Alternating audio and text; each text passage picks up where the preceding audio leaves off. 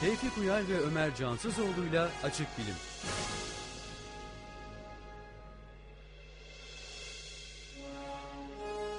Bir çarşamba akşamından yeniden sizlere merhaba sevgili dinleyiciler. Açık Bilim Radyo programının 42. bölümündeyiz. Ben Tevfik Uyar. Serdar Başemez. Kerem Kaynar. Ee, yine beraberiz ama hala tanıtımda Ömer Cansızoğlu diyor. Onun e, manevi varlığını da bu yolla yaşatıyoruz. Evet yalnız Tevfik, Bozuluyorsanız söyleyin yani. Tevfik az önce şekil mi değiştirdi Kerem? Yani programdan hemen önce e, ölüyor bitiyor böyle bayılıyor şeklindeydi. Programa bir anda acayip bir enerjiyle girdi. işte bilim böyle yapıyor. radyoculuk böyle bir şey yani. Bilim bence bunu yapan ya. Enerjimi izleyiciler, dinleyicilerimize iletmeye çalışıyorum biliyorsunuz. Yaşam enerjisi böyle çiğ, Yo- çiğ falan. Hani Yorgun da olsam yani. Evet. Ya aslına bakarsanız bu radyo programı hepimiz için bir şey değil mi yani? Ee, bir anlamda hayatımızdaki bir renk değil mi neticede? Ya ben gerçekten bu arada şey yani e, acayip böyle bir keyifle geliyorum buraya. Ve buradan gittiğimde de acayip bir keyifli bir gece geçirmişim gibi, e, akşam geçirmişim gibi hissediyorum. Kerem keşke biz de Serdar'la ilgili aynı keyifli düşüncelere sahip Yani olabilseydik. benim hayatım ya. daha renkli açık söyleyeyim yani. Adamın artık yegane renk buysa bir şey diyemiyorum. yani benim de e, işte bir tek şu buraya gelirken Teşekkürler kullandığım arkadaşlar. helikopter biraz sarsıyor. Onun haricinde bir sıkıntım yok yani. Yani tabii Serdar evli ve çocuklu bir Türk aile babası olarak. Evden herhalde kaçma bir- yolları Evden uzakta olabildiğim. Evet bu söylediğinizi beraber eve girme şansı Serdar daha- se- sevgili eşinlere buradan sevgilerimizi yolluyoruz. Sanırım bir dahaki görüşmemizde bir tokat yiyeceğiz kendisinden. Evet. Bir dahaki görüşmemize derken Olmayacak. O adamlarla görüşmeni istemiyorum. diyecek diyorsun. Evet. Haklı. Neyse. Yani olsun mutluluğunu kılıbıklığına borçlusun diye düşünüyoruz. Efendim? Sükut ikrardan gelir Serdar. Tekrara gelelim. Neyse madem o zaman programımızda izleyici de, izleyici diyorum bak hep yani kesin televizyon bizi andı. Yani bir gün televizyona taşırız belki. Dinleyicilerimiz bize nasıl ulaşabilirler? Onlardan bahsedelim. Facebook'ta bir sayfamız mevcut. Facebook.com e, slash açık bilim. Ee, Açık Bilim Radyo. Açık bilim radyo. A- Evet. ama Twitter'daki Açık Bilim. Açık Bilim, Twitter.com bölü Açık Bilim. Ee, aynı zamanda telefonlarımız var. 212 274 1052 Ve bir 174 10 57 Bu telefonlardan da bize ulaşabilirsiniz. Sesinizi duyurabilirsiniz. Bu arada geçen Twitter'da bana birisi şey dedi ya W diyorum ya ben bazen W. O W U değil mi yani double U değil mi diye. Türkçe'de W deniyor W'ya. Evet İngilizce'de 2 U kastediliyor olabilir ama Türkçe'ye o şekilde geçmiş. Bu yüzden genelde söylenirken W diye. Hiç 2 U hiç aklıma gelmemişti ya ilginç. Aslında W ya W yani. Evet. Okunuşu da öyle hatta. Doğru o şekilde. doğru şimdi sen söyleyince böyle bir Ama şey yazım çaktı. biçiminden e, W yani iki tane V gibi oluyor. Ama Tevfik'in niyeti iyi. Oradan yırtıyor. Tabii tabii. Tabii çok iyi. iyi niyet- niyetle söylüyor. Kalbimi yarıp baktığınız zaman içeride yani sen double T desen onu biz kabul ederiz yani. double T. Double T. Tevfik'te ben zaten pozitif bir uyumlama hissediyorum sürekli. Var, var öyle bir kuantum uyumlama mevcut. O kuantum uyumlaması telif hakkı Serdar Bey'e aittir. Aa, Tabii tabii. Değil mi? Serdar İspatlarım Başarılı. var. İspatlayabilirim yani. Ama burada yazamayacağımız kadar uzun diyorsun. Çok. Yalnız Tevfik her programda bu kuantum uyumlarından bahsediyor. Bir türlü şey yapamadı bunu. Trending Evet. topik yapamadı Twitter deyimiyle. Senin her programda kuantumdan bahsetmen gibi. Kesin Evet. bugün de bahseder. Hadi bakalım. Qubit. İyi, iyi ki iyi ki elektron dalga parçacık ikilemi var yoksa Kerem'e konuşacak şey yok şu dünyada. Aa. Konu yok yani. Aşk Yok olsun. be çok uğraşıyorsun. Adam açık bilimde bir yazıyor rekorlar kırıyor tıklama Ya evet. rekorları. Açık bilime yazmak tabii güzel bir şey. bir de yalan Bir de söyle. yalan savara atsaydı. Değil mi? Ee, şimdi konuyu anlamayacak e, din- e, dinleyicimiz için söyleyeyim. bir dakika bir bilmeceyle girelim olaya bence. Buyur bilmece. Yalansa var yazarı olup da hiç yalansa var yazısı yazmamış olan kimdir? Ee, Dur tahmin edeyim. Kerem Kaynar. Evet Hayır, bir dakika, bir doğru. dakika. Ne kazandım? Hayır hayır bir dakika bir dakika. Kerem'le bir akşam yemiş. Sor, sorunun kuruluşu gereği bir mantıksızlık var. Hiç Yalansa yazmamışsa var niye yazıyı yazar? Niye yazar? Evet, Değil yalansa mi? var yazısı yazmadan yalansa var yazar olamayacağım için soru kendi kendine Yani yalanlıyor. yalansa var için bir şeyler yazdın yazmadın demiyorum. Bir şeyler yazdın ama hiç yalansa var yazısı yazmadın. Tamam. Demek ki yazar değilim. Demek ki bu soru Yazarsın kendi... ama yalansa var yazarı. Bence neyse. yazar adayı yazar değil doğru Yazar söylüyor. Sorunun kuruluşunda bir mantıksızlık var. Tamam yalansa var yazar adayı diyeceğiz bundan sonra. Ya Tevfik'in. ama tabii şimdi şöyle bir şey var. Yani açık bilim yazıları o kadar vaktim alıyor ki hani tevfik karşında editör hani şey yapmaya çalışıyoruz. Yani 3 hafta sürüyor o yazıları yazmak. Doğru, Evet, doğru. Yani zaman- nasıl nasıl yazsın adam yalan savara? Bak Evet, seni yani. savunmaya Bak- geçtim hemen. Konu açık bilim Yani olunca. Evet, Dev yalan. Hele gibi bu ayki yani. yazılım yazmak için var ya insanlarla röportaj yap, fotoğraf topla yani zor. Tuttu ama. Estağfurullah. Yani güzel güzel güzel. Sayın Doktor Işıl Arıcan. Lütfen bu yaları bir an önce çürütünüz. Siz de açık bilimdesiniz. Aynen. Evet bu hafta programımızın döngüsünde bir değişiklik yaptık. Ne yapacağız? İlk başta uyanık haftanın uyanık kardeşiyle başlayacağız. Bu yüzden bir önce e, kulaklarımızı Kadir İnanır'a verelim. Bu nedir evladım? Bunlar kimya deneyleri baba. Ham maddelerin üzerinde bulunan artı 004 bakterilerinin 320 Fahrenheit ısısındaki sülfürik asitle karbon monoksidin analizinden meydana gelen negatif elementinin bakteriler üzerinde gösterdiği etkiyle mal daha kaliteli çıkmaktadır. Aferin bravo. Evet bu haftanın afferimi kime? Bu haftanın afferine CNN Türkiye. CNN Türkiye. CNN Türk'ün haberi ne? 14 Kasım tarihli haber. Haberin içeriğine bakalım. Ee, haberin içeriği bildiğimiz gibi zaten bu hafta... Başlığı söyleyeyim bir- E, dur başlığa en son geleceğim. Tamam. Ee, bu hafta bir güneş tutulması oldu biliyorsunuz. Avustralya'dan çok net bir şekilde izlendi. Fakat sıkı durun. Bu güneş tutulmasının en önemli özelliği ne? Neymiş? Maya takvimine göre güneş son kez tutulmuş arkadaşlar. Haberin Ha, başlığı şu bu. 21 Aralık'taki muhabbet diyorsun. Bilseydim Avustralya'ya giderdim izlemek için yani. Abi Evet. bir daha yani insanlık olarak bir daha güneş tutulması göremeyeceğiz değil mi? Yok Doğru ben, diyorsun. ben Çin takvimi kullanıyorum. Çin takvimine göre iki tane daha var. Sorun yok yani. Evet, Maya takvimine göre bu güneş tutulması 21 Aralık 2012'de gerçekleşeceği öne sürülen kıyamet öncesi son güneş tutulmasıymış. İyi abi ne yapalım ya her şeyin bir sonu vardır değil mi? Benim bir fikrim var bu konuda. Madem 21 Aralık'ta kıyamet kopacak. işte benim kredi kartımın e, hesap kesim tarihi 23 Kasım gibi falan. 24 Kasım'da ben kredi kartlarımdan bütün limitleri çekeyim. Gidelim kumara yatıralım. Kazanırsak ne ala bir ay harika yaşarız. Kaybedersek de bir şey kaybetmeyiz. Ne diyorsunuz bu işe? Yani kaybedersen de bir ay aç yaşarsın. Maksat Evet. bir ay değil mi? De, değil mi? Yani nasıl dünya sona erecek? Fatura Aynen ödemek nasıl gibi bir dünya sona derdimiz yok. erecek yani doğru söylüyor. Şimdi Serdar'ın kredi Çıkarın kartı kredi kartlarınızı. benim, benim daha iyi bir fikrim var Kerem. nedir? Ma- madem kıyamet kopacak hepimiz Serdar Başay'ımızın kredi kartıyla Alışveriş, alışveriş yapalım. yapalım. Yani ne Değil mi? olacak? Nasıl kıyamet kopacak Serdar? Valla yani? bitiremezsiniz bir En ayda azından ama bak bir ay, bir ay sana minnettar kalırız yani. Bitiremezsek daha minnettar kalırız bu arada yani. Ya kumar oynayalım tamam işte Serdar'ın kredi kartı limiti işte 50 bin liradan başlayalım. İşte bizimkiler de biner lira olsa işte 52 bin lira. 50 bin o kadarcık mı? 50 bin mi? Ne yaptın hocam Ben sen? de bir şey zannettim ya. Onu ben helikopter pilotuma bahşiş olarak veriyorum. Yani 50 bin. Hakaret ettik Eramaz hocam Yani bana ya. 50 bin derken kuvvet dinarı falan mı ne?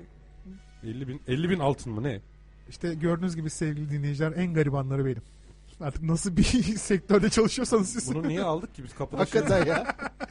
biz şey E, kapıları falan açıyor. maaş bodrusu yılda 1 milyondan düşük onu almayın demiştik. Almışlar yani. Almışlar işte ne 1 yapalım. milyon Çık yen. abi, lütfen. Neyse 21 Aralık yakın Bir dakika, zaten. kumar, kumar ne? Ya, kumar kötü bir şey oynamayın ya. Yok yok kumar oynamayın ya bence de. Kumar iyi bir şey olur mu? hiç Peki canım? Yani oynasaydık mantıksız nasıl oynardık yani kumarın bu program abi bu programa kumar nereden girdi? Kumarın bilimsel bir yanı var mı? ki. Ben yanımda içinde tek mermi olan bir altı patlar getirdim. Şimdi onu sırayla. tamam mı? Rus ruleti oynayacağız yani. Sırayla burada çevireceğiz. Al sana kumar. Al sana kumar yani. Güzel. Nasıl sansasyonel bir program olur ama. Harbiden ya var ya rating rekorlarının yanı sıra dünyanın en aptal insanları rekorunu da kazanma şansımız var. Düşünsenize bir taşla iki kuş. Artık olay yeri inceleme yazar yani. Evet. İg Nobel'e alır mıyız İg Nobel? İlk Nobel mi? İlk Nobel alırız. İlk Nobel. Kesin alırız. Ama Kesin a- alırız. alamayız ki hayat birimiz hayattan gitmişken Yok, birimiz diğer paper- ikimiz Siz hapishanede Siz yapın olacak. ben Nobel'e başvururum. Siz Hayır diğerimiz bunu paper'a çevirecek canım. Makale ben yazacak. çeviririm. Ben Tamam, yaparım. Oldu. Hadi. Tamam. ya, yalan sever yazacağım ama bunu yazarım daha iyi. Şey yapalım hayatta kalanla paper'a çevirsin. Tabii tabii. Nasıl mantık? Peki kumar, Malumun ilanı. peki kumar oynarsak kazanma şansımızı nasıl arttırırız? Abi Veya kazanma şansımız nedir? önce aşkta kaybedersin sonra kumarda kazanıyorsun mantık. Tam tersten başlıyorsun. Sevgilinden ayrılıp kumar oynayacaksın direkt. Kumarda da kaybediyorsun ondan sonra sersekli ortada O dolaşıyorsun. zaman nerede kazandım acaba? Nerede bir hata yaptım diye. Şimdi kumar değil mi? Kumar. Kasa her zaman kazanır derler. Doğru mu? Kasasına göre değişir. Yazar kasa kazanmaz mantık olarak. Bir kere öncelikle şeyi ortaya koyalım. Kumar nasıl bir oyundur? Hayır. Yani kumar böyle, oyunu böyle sorulmaz. nasıl olur?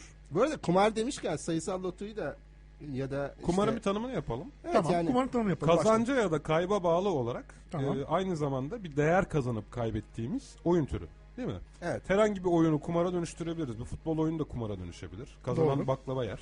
Değil mi? Ya da herhangi bir henüz belli olmayan bir şey üzerine bahsi de tutuşulabilir. Değil mi? Evet. Mesela Futbol Kerem oyunu kötü bu bir örnek program oldu. boyunca O iddia. kuantumdan bahsedecek mi bahsetmeyecek mi? Bir dakika Bir kere futbol oyunu bir, kaybedersin orada. Mesela. futbol oyunu bir iddia oldu. İddia ile kumar arasında bir fark var. Bir tanesinde yani futbol oynarken mesela iddiaya giriyorsan Ama o da kumar işte. kumar değil çünkü şansa bağlı değil. Orada çalışıyorsun şansa kazanıyorsun. Şansa bağlı. şansa bağlı. Sabri varsa oyunda şansa bağlı. Hayır bence her Sabri'nin halükarda- fikri. Sabri. Her Daha halükarda salih Sabri. şansa bağlı. Ya futboldan çok anlamam neticede de ama en nihayetinde Kerem mesela gerçekten bu programın sonuna kadar kuantumdan bahsedecek mi bahsetmeyecek mi bir Bu kumar şansla alakası yok ki. Kumar Hayır bilmiyorsun. Sonuçta kimse programın şeyini bilmiyor. Bugüne kadarki eğilimler Kerem'in bahsettiğini gösteriyor. O zaman düşük katsayılı bir it- oran olacak bahis oranı. Kerem bahset Kerem'in bahsetmesi üzerine yatırılacak bir bahis. 1'e Bire 1,2 olacak 1,00001 verecek. mesela. Ama bahsetmemesi üzerine olan bahis Oo, bir- bire bin. 1'e 10 olacak mesela. Ama peki bir ya da 1'e dakika. 100 olacak. Bir dakika şöyle yapalım. Serdar'la sen karşı karşı geldiniz ortada bir tane madeni para var. Şimdi bu çok bahis oranı belli oluyor. Tamam. Ben de diyelim ki kumarı ben oynatıyorum. Para Tamam. benim. İkiniz Tamam. masama geldiniz. Diyorum Bizim ki niye Kerem'le şey Serdar'la Yalçın oynamak için sana ihtiyacımız olsun ki? ya geldiniz şimdi kasinoya geldiniz. Ben de O ka- güvenilir kasayı- adam. Arada biz parayı ona veriyoruz ki yani aramızda kavga çıkmasın. Ha, ha tamam. Şimdi peki ben, hakem yani aynı Ben zamanda. ortada bir yazı tur atacağınız para var. Ben yazı tur atıyorum. Siz de bahis koyuyorsunuz ortaya. Serdar yazı diyor. Sen tura diyorsun. Tura gelirse Tevfik kazanıyor. Yazı gelirse Ben kazanıyorum. Serdar Adım kazanıyor. Serdar. adını unuttum. Adını unuttum bir anda Serdar'ın.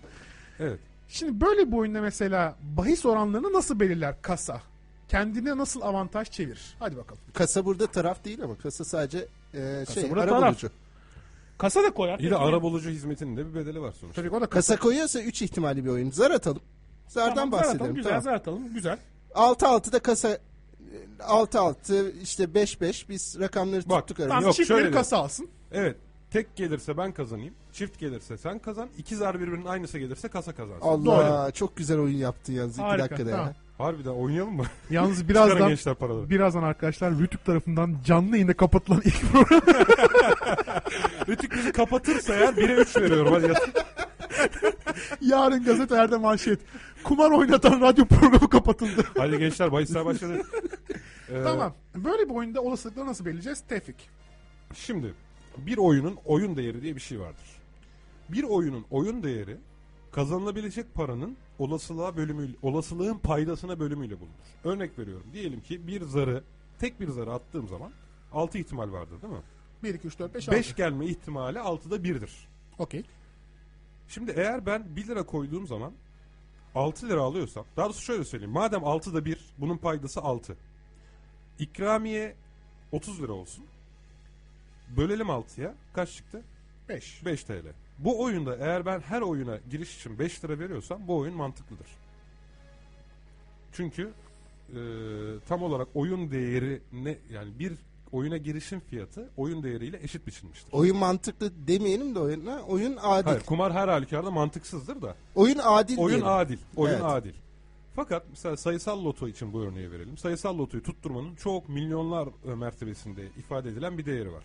Sayısal lotonun büyük ikramiyesi bu milyonlar mertebesindeki rakama bölündüğü zaman 15 kuruş falan çıkıyor. Ben bunu hatta bir yazımda yapmıştım hatırlarsın. Milyonlar belki. mertebesi derken şunu da ifade etmek lazım. Orada her bir rakamı tutturma ihtimali onda bir mi? Öyle bir şey galiba. Nerede? Nerede? Sayısal lotoda. Ben Yok canım 84 milyon ihtimal var biz Sek- gelmeden Bir önce. dakika, sayısal loto hesapladık. 1'den 49'a kadar mı tutuyoruz? Evet. Tamam.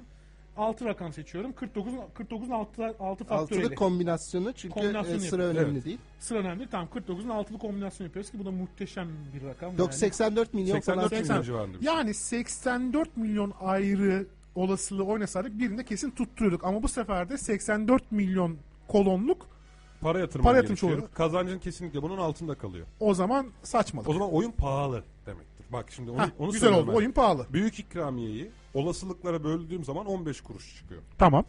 Ama sayısal lotonun bir kolonu 1 lira. Tamam. Demek ki bu oyun 85 kuruş pahalı. Güzel. Anladın mı? Demek istediğim o. Peki ama şöyle bir şey yapsak. Ki Nasıl? bunu yaptım ben zaman. Yaptım dediğimde teoride kaldı.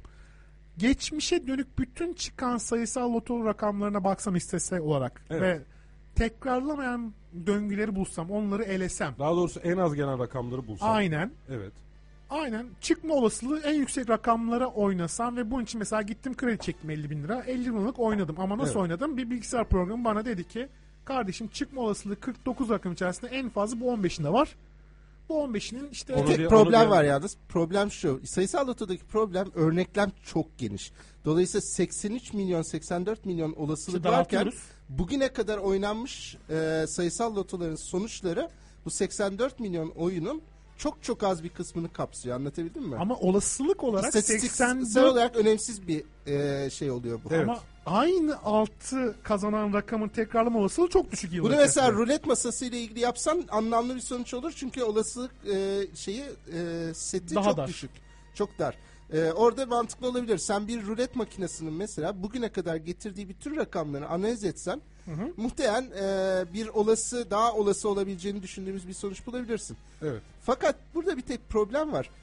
Biz aslında orada takılmıştık zaten. Ee, kumar paradoksu, e, kumar e, Kumarbaz yanılgısı. kumarbaz yanılgısı diye e, gambler fa- fallacy İngilizcesi böyle bir kavram var. Bu kavram şu şunu söylüyor.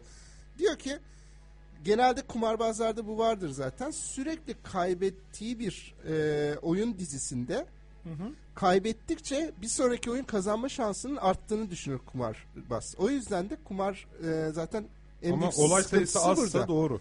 Olay sayısı daha doğrusu örneklem e, Olay düzeyiyle uzayı. çok e, Olay uzayı. al- e, alakalı bir konu. Şimdi normalde baktığın zaman aslında her olayın diğerlerinden bağımsız olduğunu düşünürsek her olayda aslında kazanma olasılığın hep aynı kalıyor aslında. Burada kazanma olasılığının artması ya da Çünkü düşmesi sürekli gibi bir şey tekrarlanıyor. değil. oyun sürekli. Bir de tabii sıfır. şunu da e, belirtelim. Burada kazanmak çok yanıltıcı bir kelime. Bir sonraki oyunu kazanmak başka bir şey. Oyun serisinden kazanmak Toplamda başka bir şey. kazanmak Çünkü başka toplamda her zaman e, her zaman demeyelim de e, eğer e, adil bir oyunsa toplamda kazanma ihtimalinin aslında her zaman çok düşük. Şöyle düşünelim o zaman bir oyun tasarlayalım. Senle ben zar atıyoruz. Sen kasasın. Ben her zar için 1 lira veriyorum sana. Evet. Ama 6-6 atarsam sen bana para veriyorsun.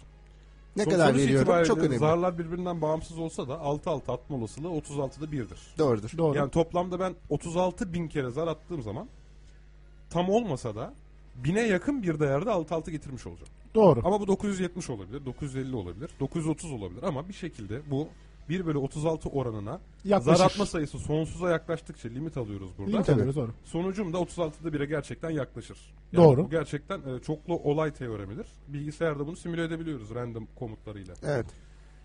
Şimdi bu durumda o zaman bir mantık belirlemem lazım.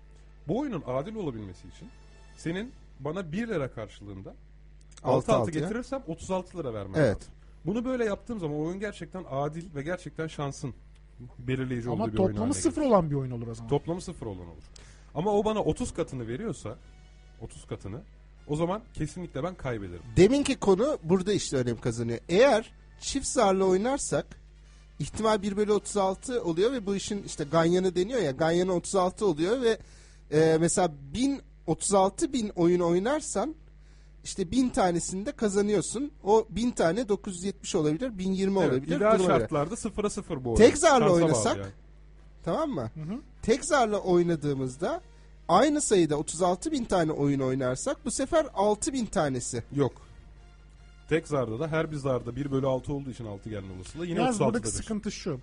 Toplamı Bir sıfır. dakika. Hayır Yani- tek zar 6'da İki oynuyoruz. zarı beraber atmamda da 36'da Yok bir yok altı tek zarla atıyorsun. 6'da oynuyoruz. Tek zarla 6'da kazanıyorsun. Niye kısalt? Tamam, küçültüyorsunuz? altıda bir. Küçülttüm. Niye? Çünkü küçülttüğümde aynı miktarda oyun oynarsam Evet. ee, bu sefer sonuçta mesela 6'da biri yakalama olasılığım yükseliyor. Neden yükseliyor? Çünkü e, örnekler yani şey örnek sayısı arttıkça biliyorsunuz limitten hani sonsuza gittikçe o bine yaklaşır diyoruz ya. Tamam. Tamam. Ee, ne kadar ileri gidersem aslında o kadar bine yaklaşırım. Tamam şey daha doğrusu idealize olma Ha, durumu daha kolay. İdealize olma durumunu kolaylaştırıyor. Homojenize olma durumu daha Homojenize kolay. ediyorum yani. Yazı tura için düşünürsek evet 100 tane atarsam öyle ağam şahım farklar Kur- oluşmaz. 60'a 40 falan çıkar. Ama yüz zarda. işte tamam. Bin o- tane o da atarsam. işte. Ya Bir bin tane tane, atarsam- yazı tura oynarsak tamam mı? Ee, bin tane yazı turada mesela bir ideal durum var. Bin tane tek zarla altıyı getirmeye çalışırsam idealden uzaklaşıyorum. Bin tane çift zarla altı, altı altı getirmeye çalışırsam idealden iyice uzaklaşıyorum. 3 zar Evet. mesela 3 zarla oynarsak 3 tane zarla oynarsak iyice uzaklaşan bir- şey. bir şeyi göz ardı ediyoruz bu sırada. Niye? Kumar kumar oynayanın hani dedin ya oyun değeri. Evet. Kumar oynayanı dürtüleyen şeylerden biri de bu oyun değeri risk faktörü diyelim daha doğrusu yüksekliği. Yani şimdi mesela yazı tura kimse için bence çekici bir kumar değil. Çünkü kazanma kaybetme riski çok Tabii de düşük. 1'e 2 kazanırsın. düşük yani. Çok düşük. Yani Zaten adam- kumar kumar e, Ne kadar kumarhanelerin en büyük e, oyunu da budur. Yani e, dikkat ederseniz Oyun mesela değeri rulet. yüksektir. Tabii rulette kimse mesela kırmızı beyaz oynamaz. Herkes bir rakama koyar mesela. aynen oyun değerini yükseltmek Çünkü için. yani 1'e 36 verdiği Aynen. için Evet. e, çok çekici gelir oyun. aynen. Ya yazı tura 1'e 2'den daha fazla veremez. Yani hiçbir Evet. kasa yazı, yazı turanın değerini 2'den fazla tutamaz. Bu kaybedeceğinin kesin olduğu anlamına geliyor. Dolayısıyla o zaman kumar oyununa sadece matematiksel olarak değil, kurulumun da kumarı oynayacak tarafın yani sadece kasa olarak düşünmeyelim burada. Kumarı oynayacak tarafının psikolojik e, yatkınlığını da değerlendirmek lazım. O yüzden kumarhaneler işte daha çok oyun değerinin yüksek olduğu, insanların bir kazanırsam yaşadım, hafta sonu tatilini bedavaya getireceğim Evet diyeceği tat- şey. tatmin işin içerisine giriyor. Aynen. Fakat ya, tabii şunu da son kez söyleyelim. Hani burada kumara şöyle oynanması böyle oynanması lazım diyoruz ama Türkiye'de kumar oynamak oynatmak zaten yasaktır. Evet. Hani e, yurt dışına gidip oynanabilir belki ama kumar oynamak mantıklı bir şey değildir. Sonuç itibariyle biz onu ortaya atmaya çalışıyoruz. Kasa her zaman bu oranları kendi lehine düzenleyeceği için ben kesin kazanırım gibi bir şey asla yok yani. Tamam. Değil mi?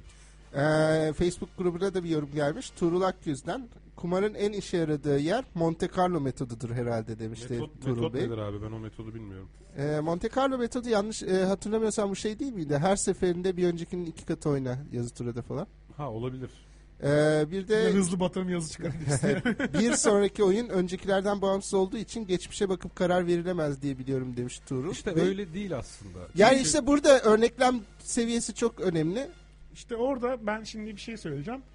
Bu sene çok ilginç bir makale yayınlandı. Doktor Chi Kong Se. Evet çok ilginç bir makaleymiş. Kong- Gerçekten Chi Kong doktorun Se. adını Benim düşündüğüm çok zaman. ilgimi çekti şu anda. Harbiden ben de ya. Ne yazmış? Chi Kong, Chi Kong Se. Se. Bir de e, Avustralya Üniversitesi'nden Profesör Michael Small. Bu iki arkadaş artık nasıl bir araya geldilerse biri Avustralya'da biri Hong Kong'da ne yapıyorlarsa. Ya Avustralya Yarın Hong Kong öyle. birbirine yakın ki. Yakın yakın. Şimdi bu Tatilde arkadaşlar bir tanışmışlar. makale yazmışlar ve sıkı durun. Rulet oyunu şimdi kendi şeylerini söylüyorum. Rulet oyunu yüzde eksi 2.7'li bir oyun. Yani uzun vadede sürekli oynadığında 100 lira yatırırsan bunun yüzde 2.7'sini kaybedeceğin garanti gibi bir şey. Vay. Vay.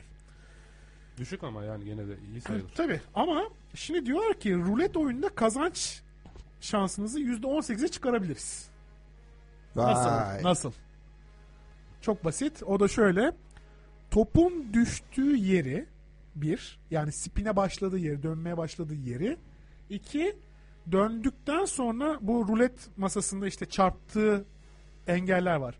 Çarptığı engeli bilirseniz biraz karışık ve bayağı bir bilgisayar gücü yitiren hesaplamalarla topun hangi deliğe gireceğini %20 ihtimalle hesaplayabiliyorsunuz. Ben bu İşte kadar bu hesap ya. yapacak olduktan sonra gider yazılım falan falan var zaten yani. Ama arkadaşlar Fakat şimdi fakat fakat pardon lafını kesiyorum Serdar. Bu iki arkadaş herhalde yapacak işleri güçleri yok. Oturmuşlar bunu hesaplamışlar.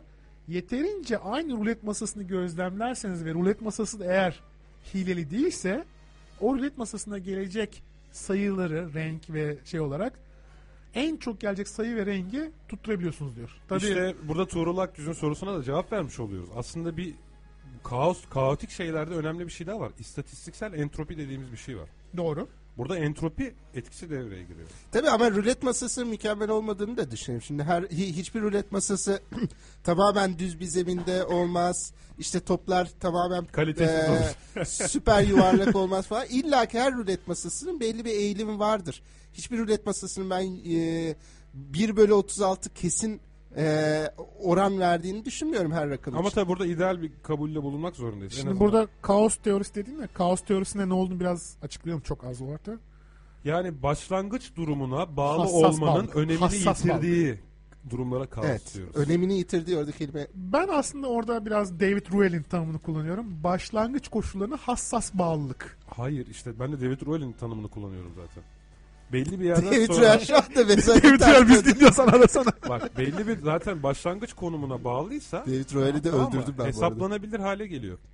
Anladın Allah mı? rahmet eylesin. Başlangıç koşulunu artık Ha, ben nereden öldürdüm başladığı önemini yitirirse kaos durumu oluyor. Anladın mı? Zaten bir determinist- başlangıç koşulunu hesaplayamadığın durumlar kaotik durumlardır. Ee, doğru fakat mesela ruletin başlangıç koşullarını hesaplayabilecek bir denklemin varsa elinde ve o denkleme koyacak verileri de o an okuyabiliyorsan şurada durdu, şu yani şurada başladı dönmeye. O kaotik değildir her şey bellidir işte. Anladın Deterministik mı? ama Yazı tura atışı işte Oradaki- kaotiktir. ama şöyle bir şey var. Yazı turu atarken sen başlangıç uçlarını biliyorsun ama rüzgarın azıcık oynaması senin o bütün hesaplarını değiştirip farklı bir şey getirebilir. Ama ne kadar farklı getirebilir? %50 farklı getirebilir. Tamam peki başlangıç durumuna hassas bağlı olan Tamam. ama başlangıç durumunu bilmenin hesaba hiçbir değer yaratmadığı durumlara kaos diyelim. Olur mu? Doğrudur. Tamam. O Ee, yüzden rulette hesaplanabilir sonuçlar var ama oturup da kimse hesaplamaz. Yani sonuçta başlangıçta sen seçiyorsun orada. Yoksa rulet çünkü sabahtan beri oynanıyor zaten. Sen akşam 8'de gidip hesaplamaya başladığın zaman sabah 8'den beri oynanan kısmı şey yapmıyorsun. Bu yüzden kaotik yani. Peki o zaman mesela e, MIT Üniversitesi'nden bir profesör 5 öğrencisiyle rulet Las- oynamışsın. Yok sen şunu hesapla sen şunu hesapla çabuk. Las e, Vegas'ta kasinolara girdiler ve bir haftada çok ciddi para kazandılar. Sebebi de şuydu. Pokerde bu senin dediğin işte olasılığı düşürdüler. Kağıt saydılar. Gelecek kağıtları hesapladılar. Ve oturup ona göre de bahis oynadılar. Filmlerden de biliriz ki sonuçta dayak yediler. pokerde. Dayak, çok feci bir dayak gibi. Kevin Spacey'nin yüzü gözü dağılmıştı orada. Böyle bir o film vardı değil mi? Evet. Doğru.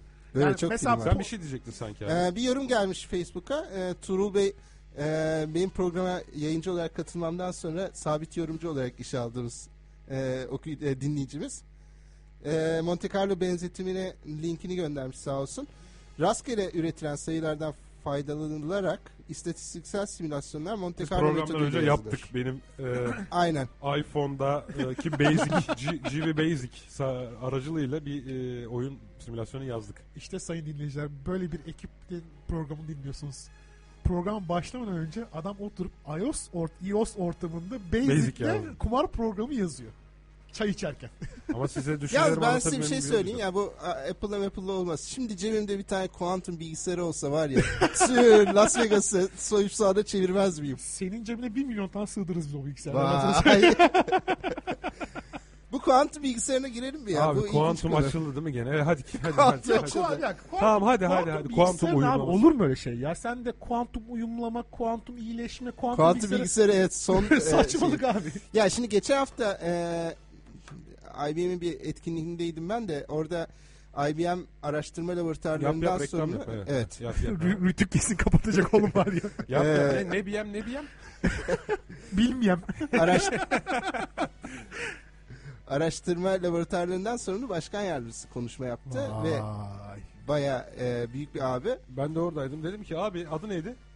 Adı neydi adı? adını hatırlamıyorum ya. Aa, neyse samimiyetim He- yok. E, heyecandan unutmuş. Heyecandan unuttum. Kusura bakmasın. Kuantum bilgisayar... Ya o o şunu şundan bahsediyor temel olarak. Ee, burada işte birçoğumuz biliyoruz artık silikon temelli mikro işlemciler artık e, limite geldi. Bundan daha Evet. fazla küçültemiyoruz. Sevda bunları. Demirel. Birçoğumuz derken sen biliyorsun biz yani. Bu arada biz bilmiyoruz ya. Bir Sevda Demirel bir de Serdar Başar. var. Dinleyicilerimiz Allah'tan sizden daha çok okuyorlar demek ki. Bu Nereden biliyorsun? Hangi dinleyiciden geri besleme aldın şu anda? Ee, bilgiler Turul varsa- Bey'den alıyorum. Turul Bey sevgiler. Daha sen adamın adını hatırlayamıyorsun. Bu arada e, dinleyeceğimiz uzmanlıkları da bilse iyi olur aslında. Belki bugüne kadar söylemedik. tamam kendi uzmanlığını söylemek için nasıl oyun yaptı ya. Şuna bak görüyorsun mesela. Benim uzman... Yok Kenan Serdar, Özal'da Serdar, ya. Serdar Başemez bir bilgisayar mühendisi. Hayır elektronik Abi mühendisiyim. geçen Amma hafta da aynı sallamış hatayı lan. yapmışız. ve Adam Bilgisayar düzeltmemiş. Adam elektronik mühendisiymiş ya. Vallahi. Ben elektronik mühendisiyim Abi. arkadaşlar. Bilgisayara nereden bulaştın? Bilgisayara girdik bir şekilde ya. Vallahi. Peki bilgisayar nasıl hesaplanıyor? Halbuki hiç Serdar? bilgisayarla elektronik arasında bir Yani ilişki. silikon diyorsun da ben orada Ya bir s- silikon görmüyorum açıkçası. yani.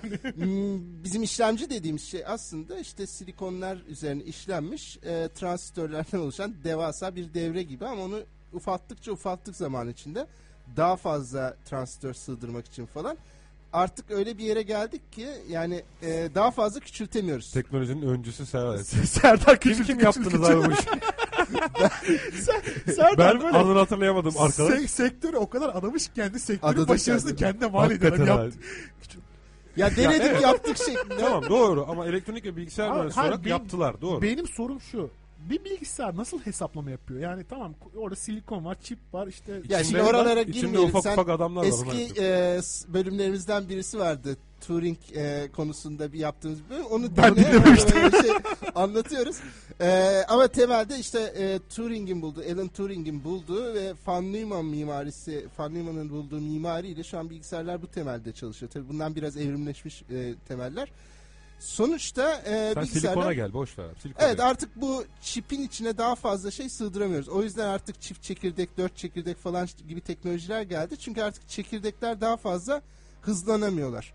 Ee, Teknolojik limite ge- gelindi yani. evet, bu Malzeme konuda limitine gelindi yani. tek bir çipten oluşan bilgisayar konusunda bir e, teknolojik limite geldik.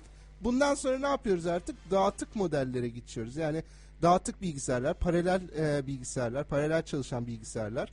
E, işte bir böyle kocaman renklerde Süper yü- bilgisayarlar. süper bil- yüzlerce bilgisayarın paralel çalışmasından oluşan süper bilgisayarlar ve e, bir alternatif teknoloji de tabii kuantum teknolojisi. Şimdi bir dakika. Burada Kerem 60 saniye veriyoruz tamam mı? dedi ki bir dakika ben dedi bir şey anlatmak istiyorum dedi programdan önce. Kerem şu an Önce ben şeyi anlatmalıyım burada. Ee, şey de Tamam, normal peki. bilgisayarlarda Tamam, biliyorsunuz bitlerden oluşuyor değil mi? Sıfırlar ve birler.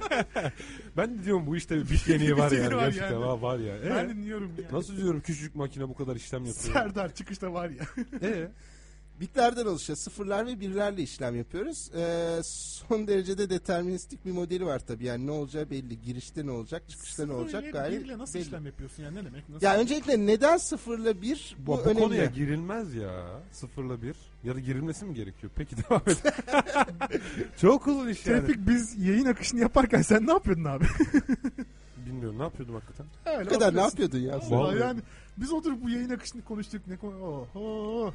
Serdar'cığım devam et. Güzel kardeşim. Tamam hadi. Peki. Ya bu sıfırlarla bir hikayesi zaten çok basit bir temelden geliyor. Yani elektrik bu.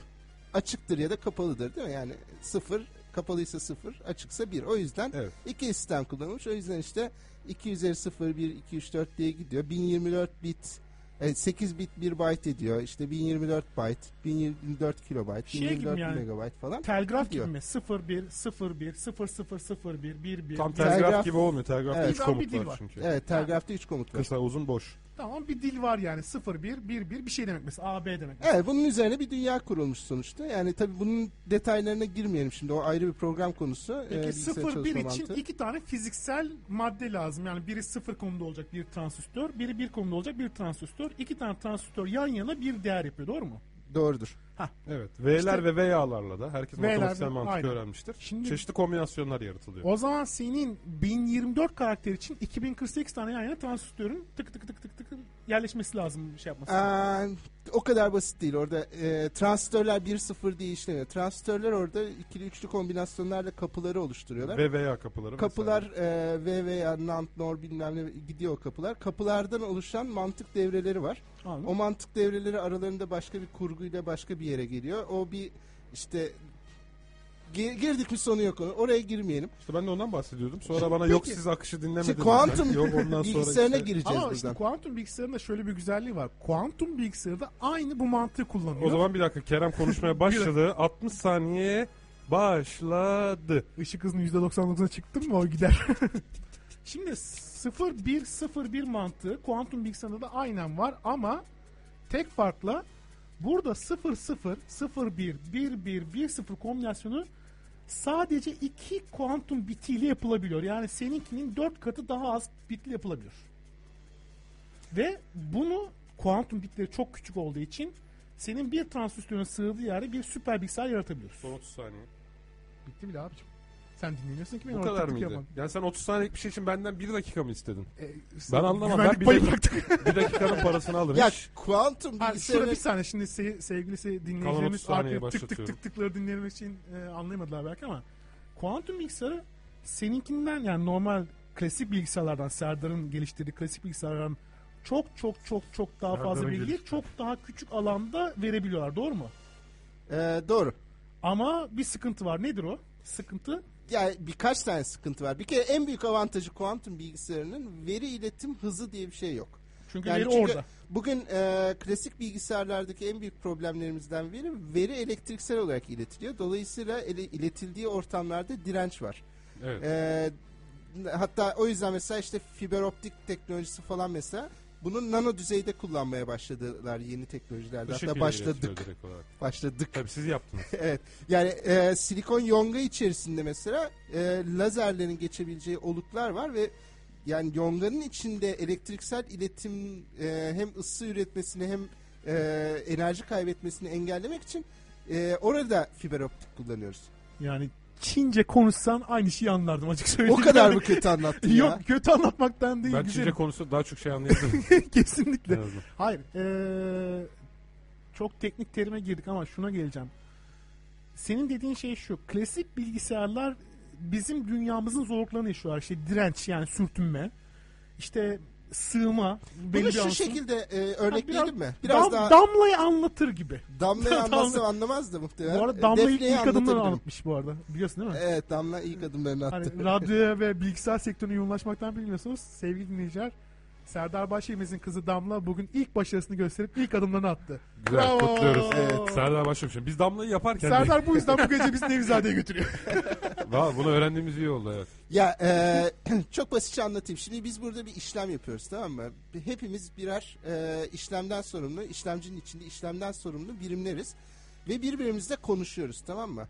Konuşarak bilgi aktarıyoruz. Mesela e, Kulaktan Kerem kulağa. bana evet Kerem bana e, bir sayı söylüyor. Tevfik 1500. bana bir sayı söylüyor. Ben de onu çarpıyorum tamam mı?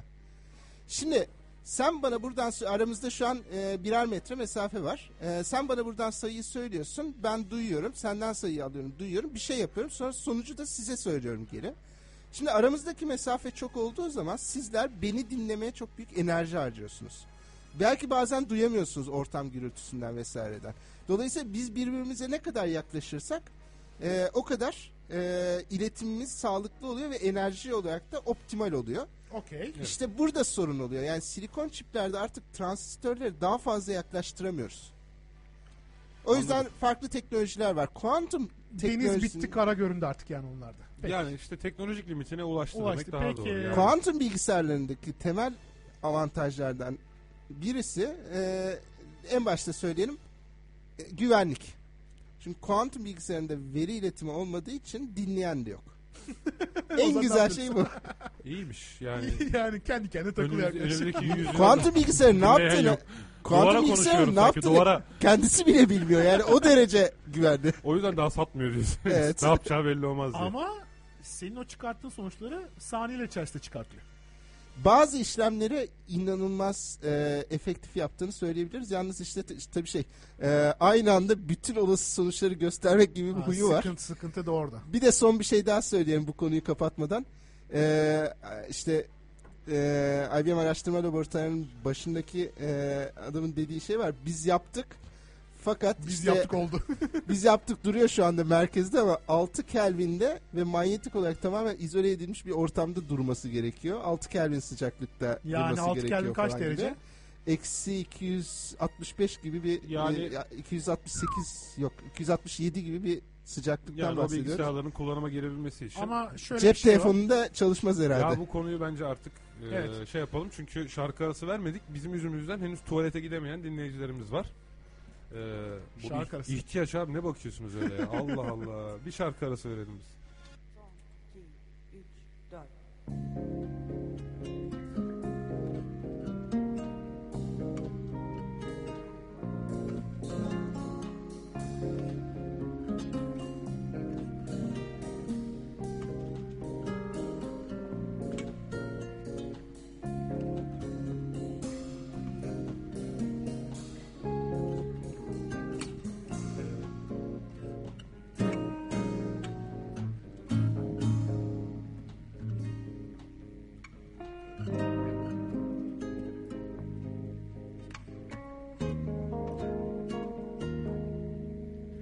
Sözlerini sakla sen öteye beriye Söylenecek ne kaldı kilitli şu gönlüme Gitsem de sonuna kadar Dönsem de Eli boş Küle yakın bulunmaz kolay İki göz yeter görmeyi bilsen Gönül seslenir bir duyabilsen Elim uzanır dokunabilsen Sevsen dönsen ah bilsen Bir bilsen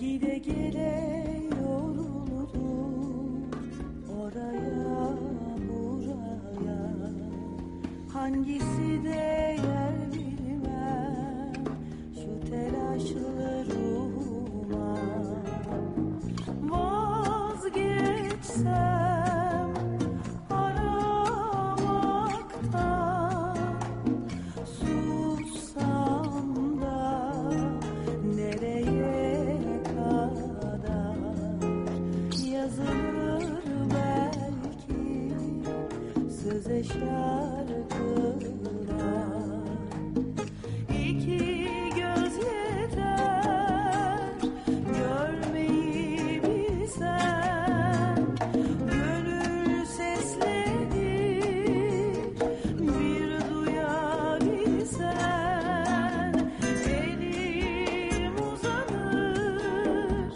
dokunabilsen Sevsen dönsen Ah bilsen, bir bilsen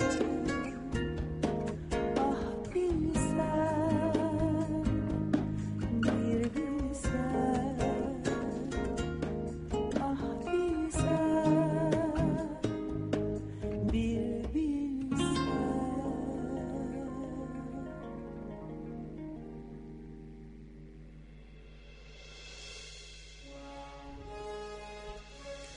Evet sevgili dinleyiciler bir şarkı arasından sonra bir sentezlerin güzel sesinden şimdi Serdar Başaybız'ın güzel sesine dönüyoruz ve bilgisayarlar konusunda kaldığımız yerden devam ediyoruz. Hadi Yok, içinde yok. kalan. Evet, Hadi, Serdar. Hadi dök içine dök dök Serdar dök. Serdar anlasana lazer yonga... Ne yaptınız başka Lazer anlatın. yonga neydi? Neler neler yaptık Yalnız arkadaşlar. var ya bilseniz. programdan sonra Serdar bizi kovalayacak yani. Estağfurullah.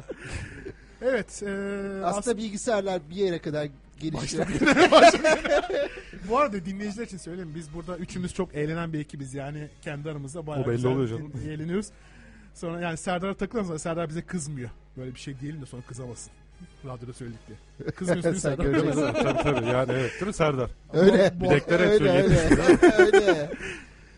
Arkadaşlar ne olursa olsun insan zekasına e, erişemeyecek bilgisayar teknolojisi ya. Bence Onu erişecek. üzülüyorum. Beni geçerler kesin onu söylüyorum. yok. Beni geçerler. Ben biliyorsun distopik era Hemen bu Distopik konuyla insanım alakalı ben. bir haber başlığı okumak istiyorum size. Yes. nedir abi? Ee, bilim adamları gene, bilim insanları gene şok bir açıklama yapmışlar biliyor musunuz? Abi zaten ya şok açıklama yapıyorlar ya şaşkınlık içinde kalıyorlar. Biz onu çöz. Ya da çözemiyorlar. Böyle bir Gazeteler çukur var. her habere ha- şaşıran bilim adamı grubu çalıştırıyor bünyesinde. Yani evet abi yani Ama şok açıklama olmuş ya. Gerçekten şok olmuşlar. nedir Hepsi abi şok. açıklama? Mesela Ee, zeka düzeyi zaman içinde düşüyormuş. tamam bu biline tahmin edilebilecek Bu arada yani ben hipotez. haberi kısaltmıyorum. Haber bu kadar kısa. Sağ olsunlar haberciler. Habertürk Bir dakika, e, bir dakika. bizim Zeka için düz- kısaltmış. Nasıl Bire- yani? Bu bireysel, kadar. bireysel Evet, olarak mı? üç paragraflık haber, e, iki paragraf birbirini tekrar ediyor zaten. Al oku be abi oku o zaman madem kısa. Amerika Birleşik Devletleri'nin Kaliforniya eyaletinde Stanford Üniversite, e, Üniversitesi'nde özür dilerim. Görevli bir grup bilim insanı insanoğlunun entelektüel ve duygusal kapasitesinde düşüş yaşandığını öne sürdü. Evet. Ondan sonra aynı e, cümleyi tersten ve isim vererek tekrarlamışlar. Sonra aynı ismin yaptığı aynı açıklamayı Neyse Neyse, haberciliği eleştirmeyelim. Üslubu Bu- eleştirmeyelim. Lisedeki Ama kompostu Üslup izledim. olsa eleştireceğiz ya. Yani el- veri yok elde diyorsun. Bir dakika ben şey zannettim hani bireysel olarak yaşlandıkça işte zeka geriliyor gibi algıladım. O- Oradan girecektim konuya. Evet ya ben Yok, de geçen yok. gün daha zekiydim aslında ama falan diye. Bu nesilden nesile Toplam kastediyorum. zekamız geliyor. Yani insanlık aptallaşıyor demek istiyorlar. Doğru mu? Bence Evet. doğru. Bence de doğru.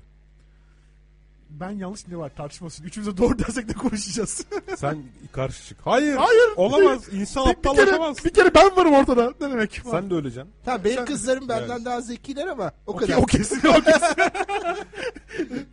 Peki bir dakika. Ee, insan neden aptallaşıyor? Şimdi Stanford Üniversitesi ee, bu araştırma yapmış ama bu araştırma bir hipotez aslında. Yani bir bilim adamının hipotezi var bu konuda. Diyor ki insanlar diyor eskiden, eski derken bu arada bayağı eskiden avcı toplayıcı kabileler olarak yaşarken biz diyor hayatta kalma mücadelemiz vardı ve bu mücadelede zeki ve fit olanlar ayakta kalıyordu. Yani işte Fit derken yani zeki ve güçlü bu olanlar. fit anlamasında survival of the fittest kavramı biliyorsun Darwin'in ortaya koydu. Buradaki fit şu anlamda Şöyle diyelim. ortam Uyum koşullarına sağlayan, en uyum, uyum. sağlayan yoksa Arnold Schwarzenegger hayatta kalacak diye bir şey yok Şimdi bir ortamda. tanım yapalım. Ya buna var kalım diyelim ya da beka diyelim. İkisi Peki. de şeyi karşılar. Hayatta İkincisi kalma çok Arapça olasılığı. geldi bana ya. Beka tamam o zaman var kalım. Var kalın güzel. Yani var kalım kabiliyetleri yüksek olan, var kalım olasılığını arttıran bütün etkenler ve parametreler sıradaki nesle aktarılabiliyor. Niçin? Çünkü o kişinin çocuk yapıp neslini üretecek kadar vakti oluyor. Tamam. Güzel. Çevreye diğer türünün diğer e, üyelerinden daha iyi uyum sağlayan ve ondan daha çok avantaj elde edebilen Uyum sağlayan demeyelim, uyumu olan diyelim. Uyum sağlamak biraz sonradan sağlamaya evet. şey yapıyor. Sonradan Genetik sağlamıyor. O olarak direkt biraz uyumlu olabilir. Hatırlar mısınız Lamarck vardı. Öğretilirdi. evet. Lamarck'ın Evrimsel seçilim- teorisi. seçilim- Yok yok Darwin'den önce Lamarck demişti ki işte aslında zürafalar e, yükseklerdeki yaprakları yemek Ha, yemeye ha, ha, çalıştığı ha, için boyları uzuyor. Aslında öyle değil. Boyu uzun olan Var, zürafalar yükseklik diğerlerinden yapar. daha avantajlı oluyorlar. Evet. Yani şöyle diyebilir miyiz? Mesela bir felaket oldu ve ultraviyole ışınlara en çok dayanabilen insanlar genlerini aktarabileceği için gelecek nesiller ultraviyole ışınlardan etkilenmeyen bir insanlık ortaya çıkacak. Bunun Evet gibi şu an şey. tabii hani bu biraz e, ütopik oldu şey anlamda. Hani insanın radyoaktiviteye karşı Mar- koyma marduk geliyor abi, bir o yüzden canlının söylüyorum. radyoaktiviteye karşı koyması çok zor. Buna şöyle diyelim. Diyelim ki e, dünya Tamam, bir böcekleri. felaket geçirdi ve e, inanılmaz bir kükürt trioksit e, şeyi arttı havada. Bu durumda ciğer kapasitesi daha yüksek olanlar hayatta kalacağı için sıradaki neslin ciğer kapasitesi yüksek olacak Peki o zaman şimdi gibi düşünelim. yararlı mutasyon diye bir şey var. Çağrı yanlış söylüyorsam lütfen düzelt Finlandiya'dan düzeltme olarak.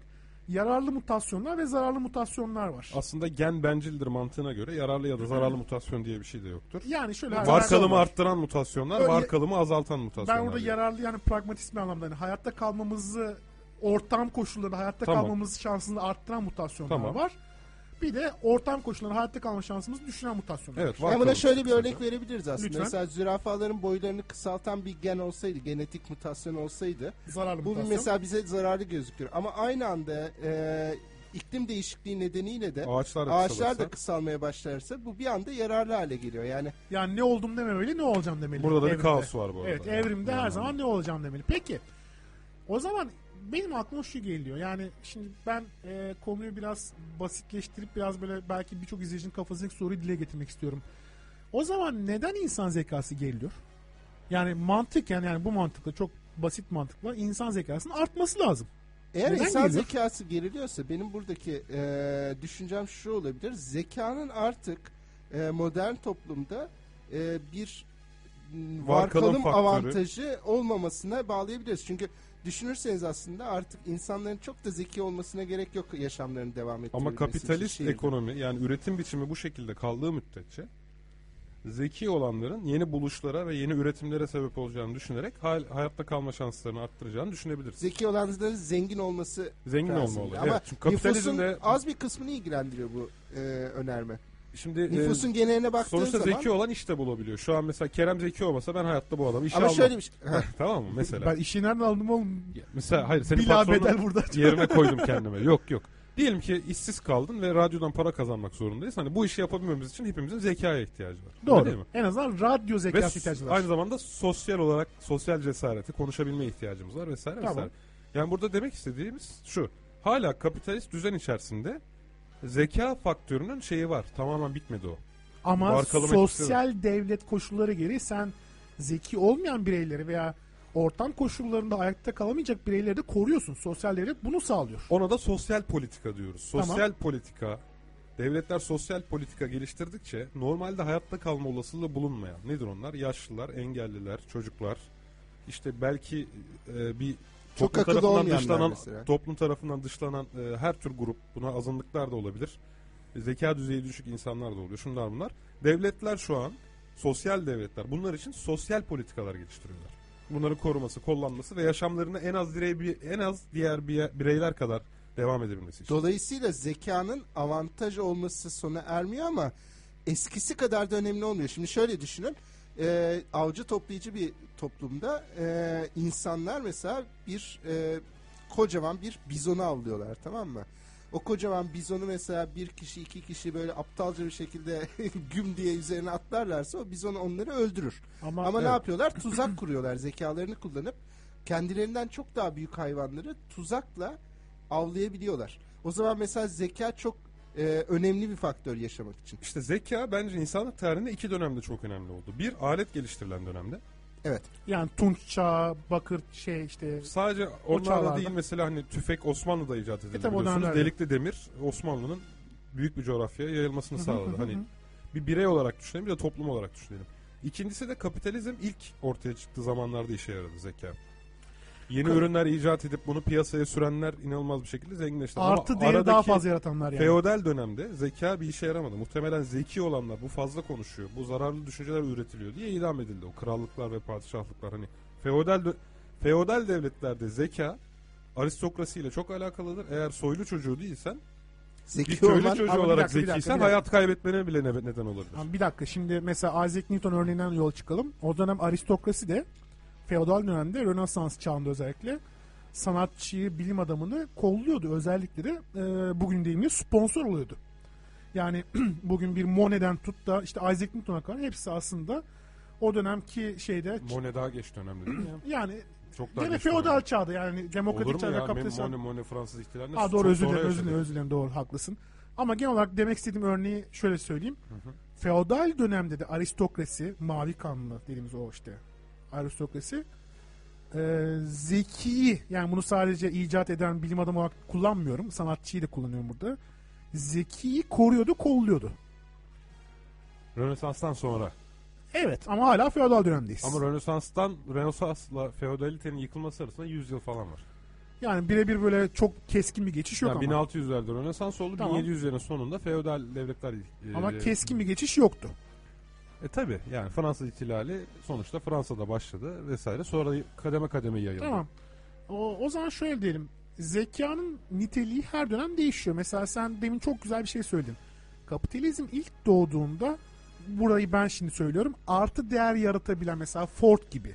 işte araba üretiminde bank modelini geliştirdiği için bir anda öne geçiyor Doğru. zekasıyla. Aynı şey e, burada Serdar'ın konusuna gireceğim bilgisayar sektöründe. Bilgisayar sektörünün ilk çağında IBM kolektif zekasıyla ilk kişisel bilgisayarları eve soktuğu için bir anda öne geçti. Steve 80 Jobs işte iPhone Sen vesaire. 80'lerden sonra işte diğerleri 2000'lerde de aplikasyon bazlı uygulama geliştirenler öne geçti. Yani zekanın avantaj sağlaması her dönem değişti aslında. Evet. Burada şurayı e, belki incelemek lazım. Bu aslında akademik bir çalışma konusu olabilir.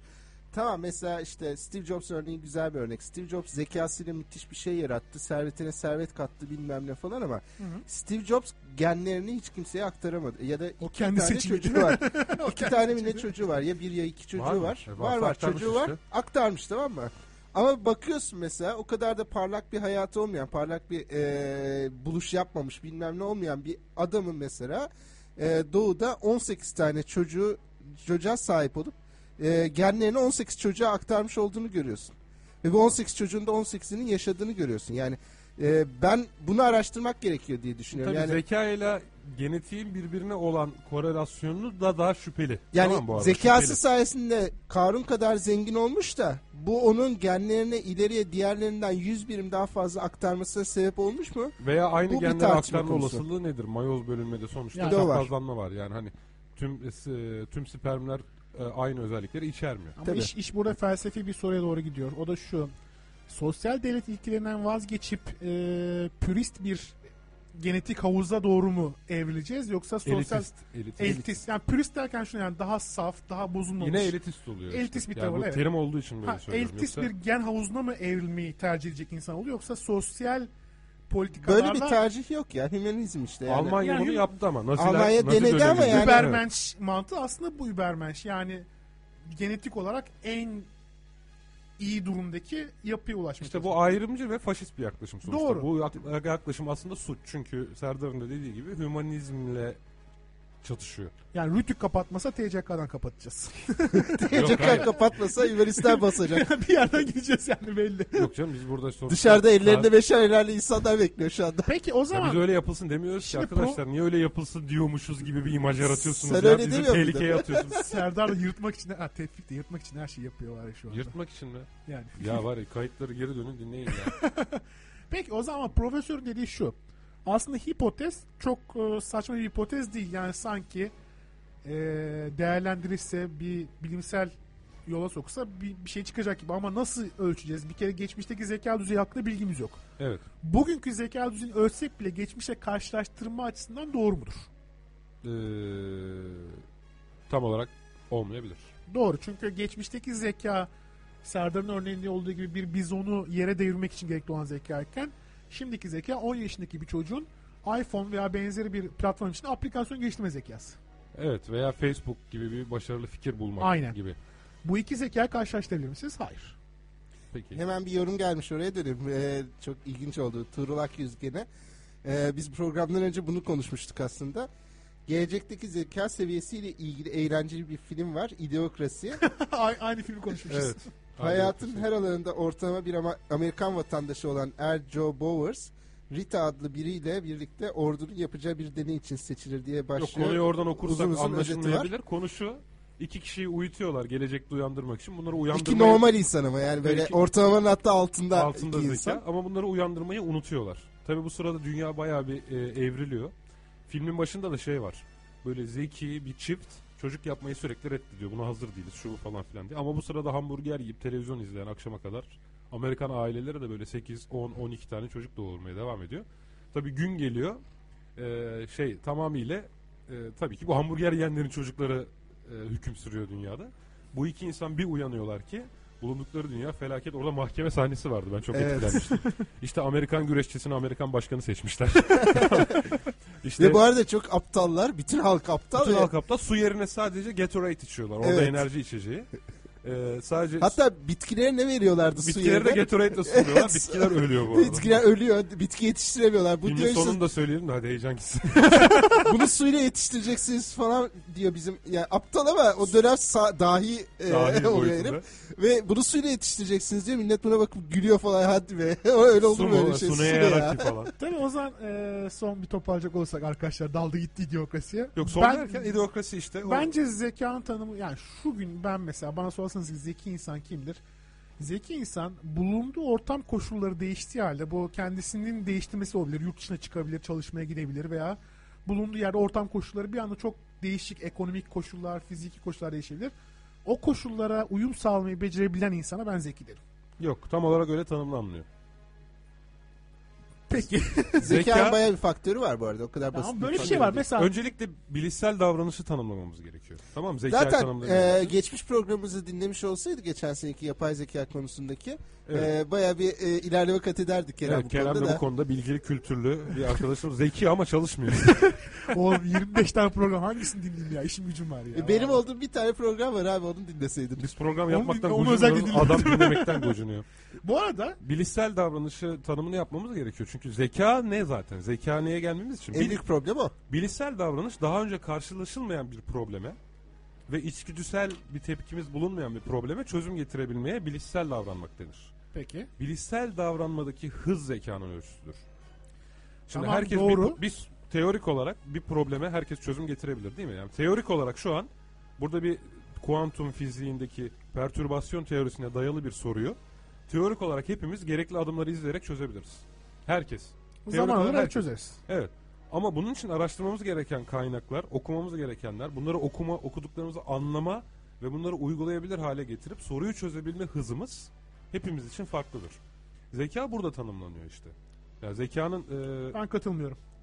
Şimdi geçen seneki Sana programda göre Ben zaten şunu diyorum ben sana- şimdi mesela şu anda bu gece bir ekonomik kriz çıktı diyelim ki. tamam. Ve yarın sabah senin kendi maddi servetini yönettiğin bütün koşullar değişti. Tamam. Bugün de. Bu koşullara uyum sağlayabilirsen veya başka şey olur mesela fiziksel koşullar diye bir şey yarın diyelim ki buzul çağına girdik. E, tamam benim Uyuz oldum. bahsettiğim de bu işte. Ha, Bilişsel buna- davranış hızın Ha, ama. Ama şurada Peki mesela kim daha zekidir? Yarın çözüm getiren mi? Buna Ama 4 ay so- 4 ayda Kuant ancak çözüm bir, getiren pro- mi? bir fizik problemini hızlı çözmek senin hayatta kalma şansını arttırmıyor senin örneğin. işte zaten deminden beri tartıştığımız konu da bu. Ya zeka işte onun tanım ya zekayı sadece hayatta kalmaya bağlayarak tanımlayamazsın. Genel bir zeka tanımı yaparsın. Bunun hayatta Zaten- kalma etkisini incelersin. O Zaten farklı genel şey bir yani. e, zeka tanımı yapamıyoruz. Çünkü e, hatta geçen seneki programda aslında konuştuğumuz konu buydu. E, yapay zekanın şu anda mümkün kılınamamasının en büyük sebebi aslında yani felsefeciler, nörobiyologlar vesaireler aslında böyle e, zekanın tam olarak tanımı ve parametrik açılımı ya da matematiksel açılımı konusunda da bir ilerleme kat, kat edemedikleri için. Bunu zaten aslında çok böyle e, m, analitik bir şekilde anlatamıyoruz ki zekanın ne olduğunu. Dolayısıyla zeka üzerine e, elimizdeki tek şey hakkında yıllardır büyük tartışma konuları olan IQ testleri. ki onlar da bir şey ölçücü artık IQ testi ölçücü sayılmıyor yani. O derece demode oldu bitti yani. Bayağı demode şu anda evet. Evet. Şimdi ben konuyu bir fıkrayla yavaş yavaş kapatayım. Bir Konuyu kapatırsak konumuz kalmıyor abi. Daha 15 dakika kalır var kalır program buluruz. bitmesine. Bir bilim, bilim adamı bir kayığa binmiş kayıkçıyla. Nehirde karşıdan karşıya geçecekler büyük bir nehirde. Yolda giderken bilim adamı kayıkçı soruyor. Dayı diyor sen kaç yaşındasın? 50 yaşındayım. Sen diyor ekonomi biliyor musun diyor. Bilmiyorum diyor. Ya sen diyor boşuna yaşamışsın diyor. Biraz daha iler. Peki diyor sen Rönesans nedir, sanat nedir biliyor musun? Dayı diyor ki bilmiyorum diyor. Oho diyor sen boşuna yaşamışsın diyor. Biraz daha gidiyorlar. Matematik biliyor musun diyor. Yok diyor efendim diyor ben matematikten de anlamıyorum diyor. Bilim adamı geliyor diyor ki ya diyor sen boşuna yaşamışsın dayı diyor. Tam bunu derken nehrin tam ortasına bir alabora kayık bir devriliyor. İkisi de suda. Bilim adamı çırpınmaya başlıyor. Kayıkçı böyle rahat. Kayıkçı bilim adamı diyor ki efendi yüzme biliyor musun diyor. Bilim adamı diyor ki yo diyor. Aa işte sen nasıl boşuna yaşamışsın diyor bugüne kadar. Evet. işte zeka orada yüzmeyi bilmekte. Ee, değil. Hayda. Yani bak bak şimdi. Seni hiç karşılaşmadığın bir problemle karşılaştırırsam buna çözüm getirmeyle alakalı. Yoksa şu an senden daha a- işte zeka eğer belli ölçüm düzeyi biz olsaydı senden daha az zeki çıkacak birisi. Tamam mı? Senin hiç bilmediğin bir hususta tecrübelerine ve bilgisine dayanarak sonuçta senden daha iyi bir şey yapabilir. Yani burada zekaya genel bir tanım getirmek zorundayız. Anlatabiliyor muyum? Yani burada zeka bilişsel Davranış. Bilişsel süreçlerdeki hız yani. Tamam. Zaten insanı diğer hayvanlardan ayıran şey de bilişsel davranmak. Anlatabiliyor muyum? Yani zekayı e, işte bir başka bir hayvan için tanımlamamız çok zor. Zorlaşıyor. Çünkü Niye? daha hayvanların pek çoğunun davranışı bilişsel. Şartlanmayla ilgili. Goriller üzerinde ya işte o şempanze üzerine yapılan bilişsel davranış testleri var ve çok ciddi zeka belirtileri gösteriyorlar. Ama yani çözüm yapıyorlar insan mesela. yüzse onlar Onlardan bir yani. beklediklerimizi de düşünelim. Onlardan beklentimiz o kadar az ki biraz da öyle bir durum var yani. Vallahi Bize Stanley- çok artistik Stanley gelebiliyor. Kubrick'e göre onu aya gönderecektik biz A- hala aşağıda. Arıların da yani bazı testler arıların da bazı noktalarda bilişsel davranabildiğini gösteriyor. Zaten eee, zeka ha, hayvanlar zeka kullanıyor mu, düşünebiliyor mu'nun testleri ancak bu şekilde yapılabiliyor. Onları hiç karşılaşmadıkları bir problemle karşılaştırarak. Tabii canım yani yani şimdi mesela bir köpek karganın balığının- karganın mesela cevizi çıkartıp da yukarıdan atması yani zeka diyorlar halk arasında mesela. Aslında değil. O bir evrimleşmiş bir davranış. Ee, Olmaya yani- da bilir. Ona e- emin olamaz. Hayır ama e, kargaya başka bir problem verdiğinde çözebiliyor mu acaba? Diyelim ki o e, cevizi mesela işte iple bağlamışsın. Cevizi çıkartamıyor yukarıya. İpi e, mesela kemirip koparmayı becerebilecek mi? National Geographic'in bu yazki sayısında bir kuş tam kuşun tipini bilmiyorum. Yani karga gibi bir kuş diyelim ki. Bu kuş doğadayken en renkli dalları, yaprakları ve işte bulabildiği biyolojik maddeleri kullanarak yuva yaparmış ve o yuvayı yaptıktan sonra dişi kuş erkek kuşun en renkli yuva yapan erkek kuşu çiftleşmek için seçiyormuş. Böyle Evet, bir şey var. Cennet kuşları. Bilmiyorum artık işte kuşun tipini bilmiyorum. Şimdi bu kuşların yaşam alanı yakınına yakın zamanda şehir yerleşimi gelmiş bir bölgede.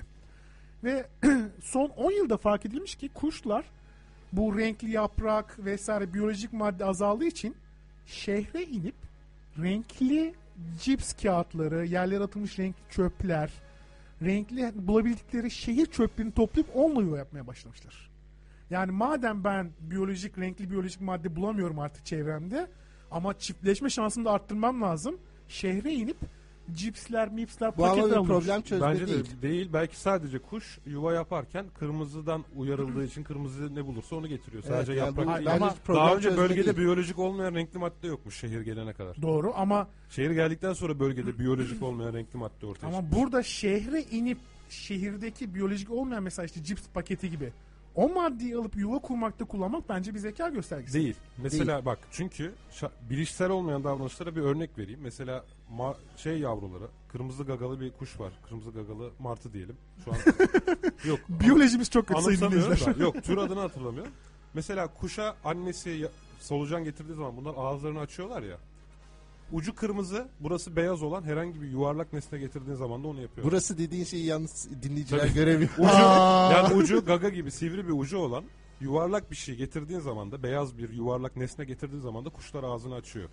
Beyaz değil mavi getirdiğin zaman açmıyorlar. Kırmızı değil yeşil gaga kullandığın zaman açmıyorlar. Ama kuşlar kırmızı ve beyaz bir şey gördüğü zaman ağzını açıyorlar. Şimdi Şartlanmışlar. Kırmızı Evet, olsun, senin beş kuruş dediğin- fazla olsun abi. senin dediğin husus da buna bir örnek olabilir. Yani sonuçta bölgeye şehir gelmeden önce bölgede zaten biyolojik olmayan renkli nesne yokmuş. Belki onlar sadece kırmızı renkten uyarıldıkları için gidip o nesneyi topluyorlar yani. Ama benzer bir şey anlatayım. Arılar biliyorsun petek yapıyorlar. Ve bu peteğe mukavim hale getirmek için bir madde kullanıyorlar. Bal mumu benzeri. Evet. Tamam mı? Arıları normalde bir arı sürüsünü 25 derece ortalama sıcaklıkta yaşayan bir arı sürüsünü daha önce hiç gitmedikleri ortalama sıcaklığı 37 derece olan bir yere götürmüşler. Arılar burada petek imalatında daha fazla bir ma- o maddeden daha fazla kullanmışlar. Üstelik gidip daha önce hiç kullanmadıkları bir madde kullanmaya başlamışlar. Mukavemeti Petek arttırmışlar. yapımı. O koşar. Mukavemeti arttırmışlar. Tamam, Bu da- mesela bir zeka göstergesi. Tamam Evet. katılıyorum. Bu Bu çok büyük bir araların zeka bilişsel- Bu göstergesi. problem çözüyor çünkü. Ya Problem hemen kabul çözmek için edilmiyor. alternatif. Böyle olduğu düşünülüyor. Evet. Yani Ya buna benim, bir benim bilişsel kuş da aptal davranış değil olmuş. ama yani şimdi yapmayın ya. Benim anlatım kuş da aptal değil.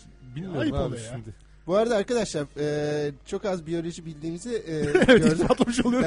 hemen e, her hafta bir tanıtım yapmaya çalışıyoruz. Yeni bir oluşum var. Açıkbiyoloji.com Radyo biyoloji. Pardon. Radyobiyoloji. Radyobiyoloji.com Biyoloji. Ha, ne varsa açık yani. Ben de yeni açık iPhone aldım. şey, e, Çok özür diliyorum arkadaşlar da. At- e, radyobiyoloji.com Kendileri sağ olsunlar dün akşam Çağrı Yalçın e, Yalçın. Çağır ya. Serdar ne yapsın? Sen Aa, de devam. saat Kır abi, geç kır. oldu ya. Devir Çare. çamları. devirdik. Çağrı Yalgın'ı konuk etme nezaketini gösterdiler. Orada da hem açık bilimden hem açık bilim radyodan hem de yalan savar sitemizden bol bol bahsettiler. Bu pazar günü de sanırım saat 10'da e, yalan savar yazarlarından e, Işıl Arıcan'ı ve Aysu Ha, Uygur'u. akşam 8'de. Yani Amerika'ya Ee, burada- göre sabah 10 yapıyor. Burada Uygar Mithat'a Ee, teşekkür ediyoruz. evet, Uygar teşekkür Mithat ederim. çok güzel. Uygar Mithat da bu arada Twitter- Twitter'dan takip edin lütfen. Çok Evet. güzel yayınlar yapan bir bilim adamı diyelim evrimsel biyoloji üzerine. Ve e, ben bu oluşumu çok beğendim. Yani şöyle bir program konularına falan da baktım. Çok ilginç konulara temas ediyorlar ve güzel bir oluşum. Bu tarz oluşumlar çok az oluyor. Olanları da mutlaka Yani biz şurada demek üç kişiyiz lazım. birbirimizi biliriz diyorsun yani. değerlendirmek lazım. Evet. Üç kişi değiliz artık ya. Baya bir oluşum var. Yani Evet. e, baktığımız zaman işte bu skeptikler grubu olsun, kozmik anafor olsun, e, radyobiyoloji olsun. Buna benzer Evrim çok çalışkanları. evrim çalışkanları var mesela. Özgür düşünce hareketi var şu ara. Evet o özgür düşünce hareketinden ben bahsetmek istiyorum. Çok güzel bir arşiv yarattılar. Özgür düşünce Harika bir hareketi. E, argümanlar arşivi diye evet. bir şey yarattılar. İnternet Muhteşem. internet mimi olmuş olan işte ateistler bunu da açıklayın eee, konusunu özgür düşünce hareketi bir arşiv haline getirip bütün biyoloji sorularına cevap veriyorlar şu anda. Nitekim herkese de o zaman bir şöyle bir bahsedip Herkesin de gönlünü ettiğimize göre. Bütün Siz de bizden bahsedin ha bak. Ona göre bahsettiğimiz kişiler. Siz de bizden bahsedin. Açık Bilim Radyo deyin, Açık Bilim deyin, yalan savar deyin değil mi? Vallahi. Bir de şey bir duyuru daha yapalım. Ee, Yalan Savar'da hele şükür bir yazı yayınladık. Neredeyse bir aydan ben bir sonra. şey yazmadım. Ee, Kim yazdı? yok, ee, Kerem İlkay- yazdı. O kadar yok, şükredin İlkay- ki Kerem yazdı. ben yazmadım abi. İlkay Uzun e, dün e, dün değil dün evet dün girdik E, amalgam dolgularla ilgili e, Şehir bilmek efsaneleri, istediklerinizle çocuklar. ilgili Evet. e, çok güzel bir yazı yazdı. Ben yazıyı acayip beğendim. Beğenerek okudum. E, herkese tavsiye ediyorum. Yalansavar.org'dan. Senin tavsiye etmen çok şey durmuyor bence. Kimse hiç ya- yazı yazmamış birisi tavsiye etsin yalan savarı. Tavsiye et Kerem. Yalan Onu da okumadın değil mi bu arada? bu yazıyı Adres da neydi? okumadın.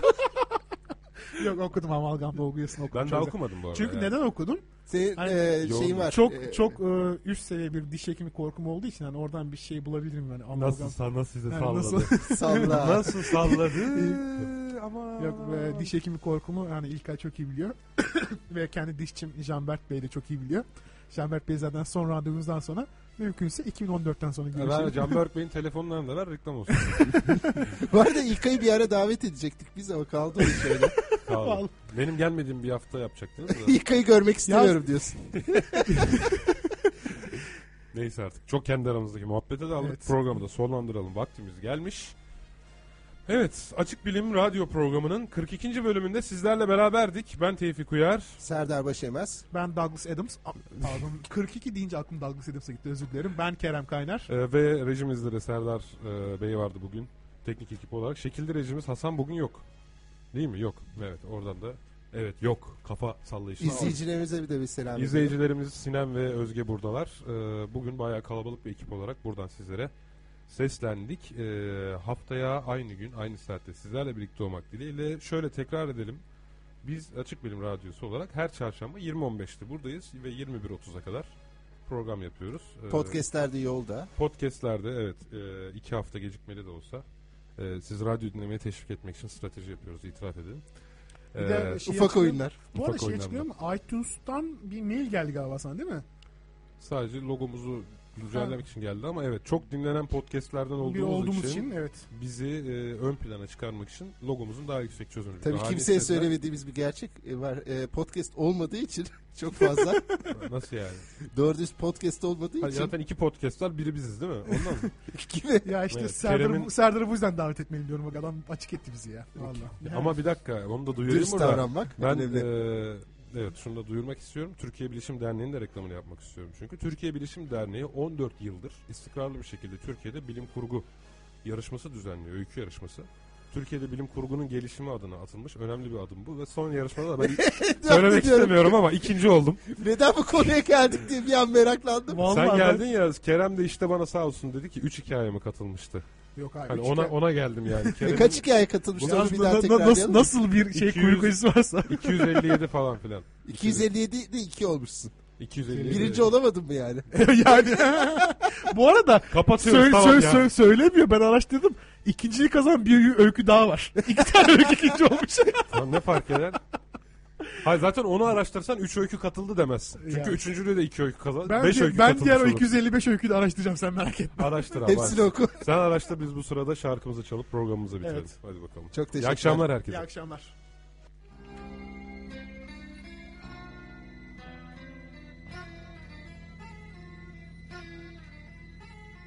Sen beni bırakıp böyle gitmezdin hiç Yapmazdım Ayları geçti ayrılık sen delisin Sen beni bırakıp böyle gitmezdin hiç Yapmazdım Ayları geçti ayrılık sen delisin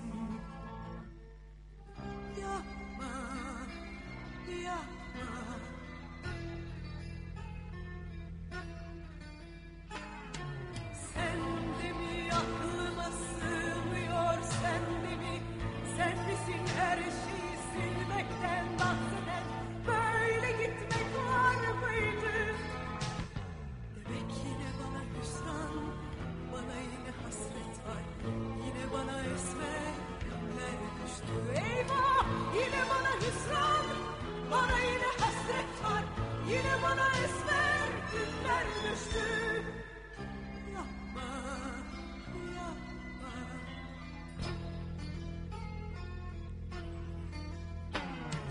Sen de mi aklıma sığmıyor sen de mi?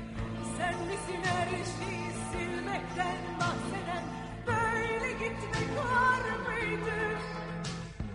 Demek yine bana hüsran, bana yine hasret var.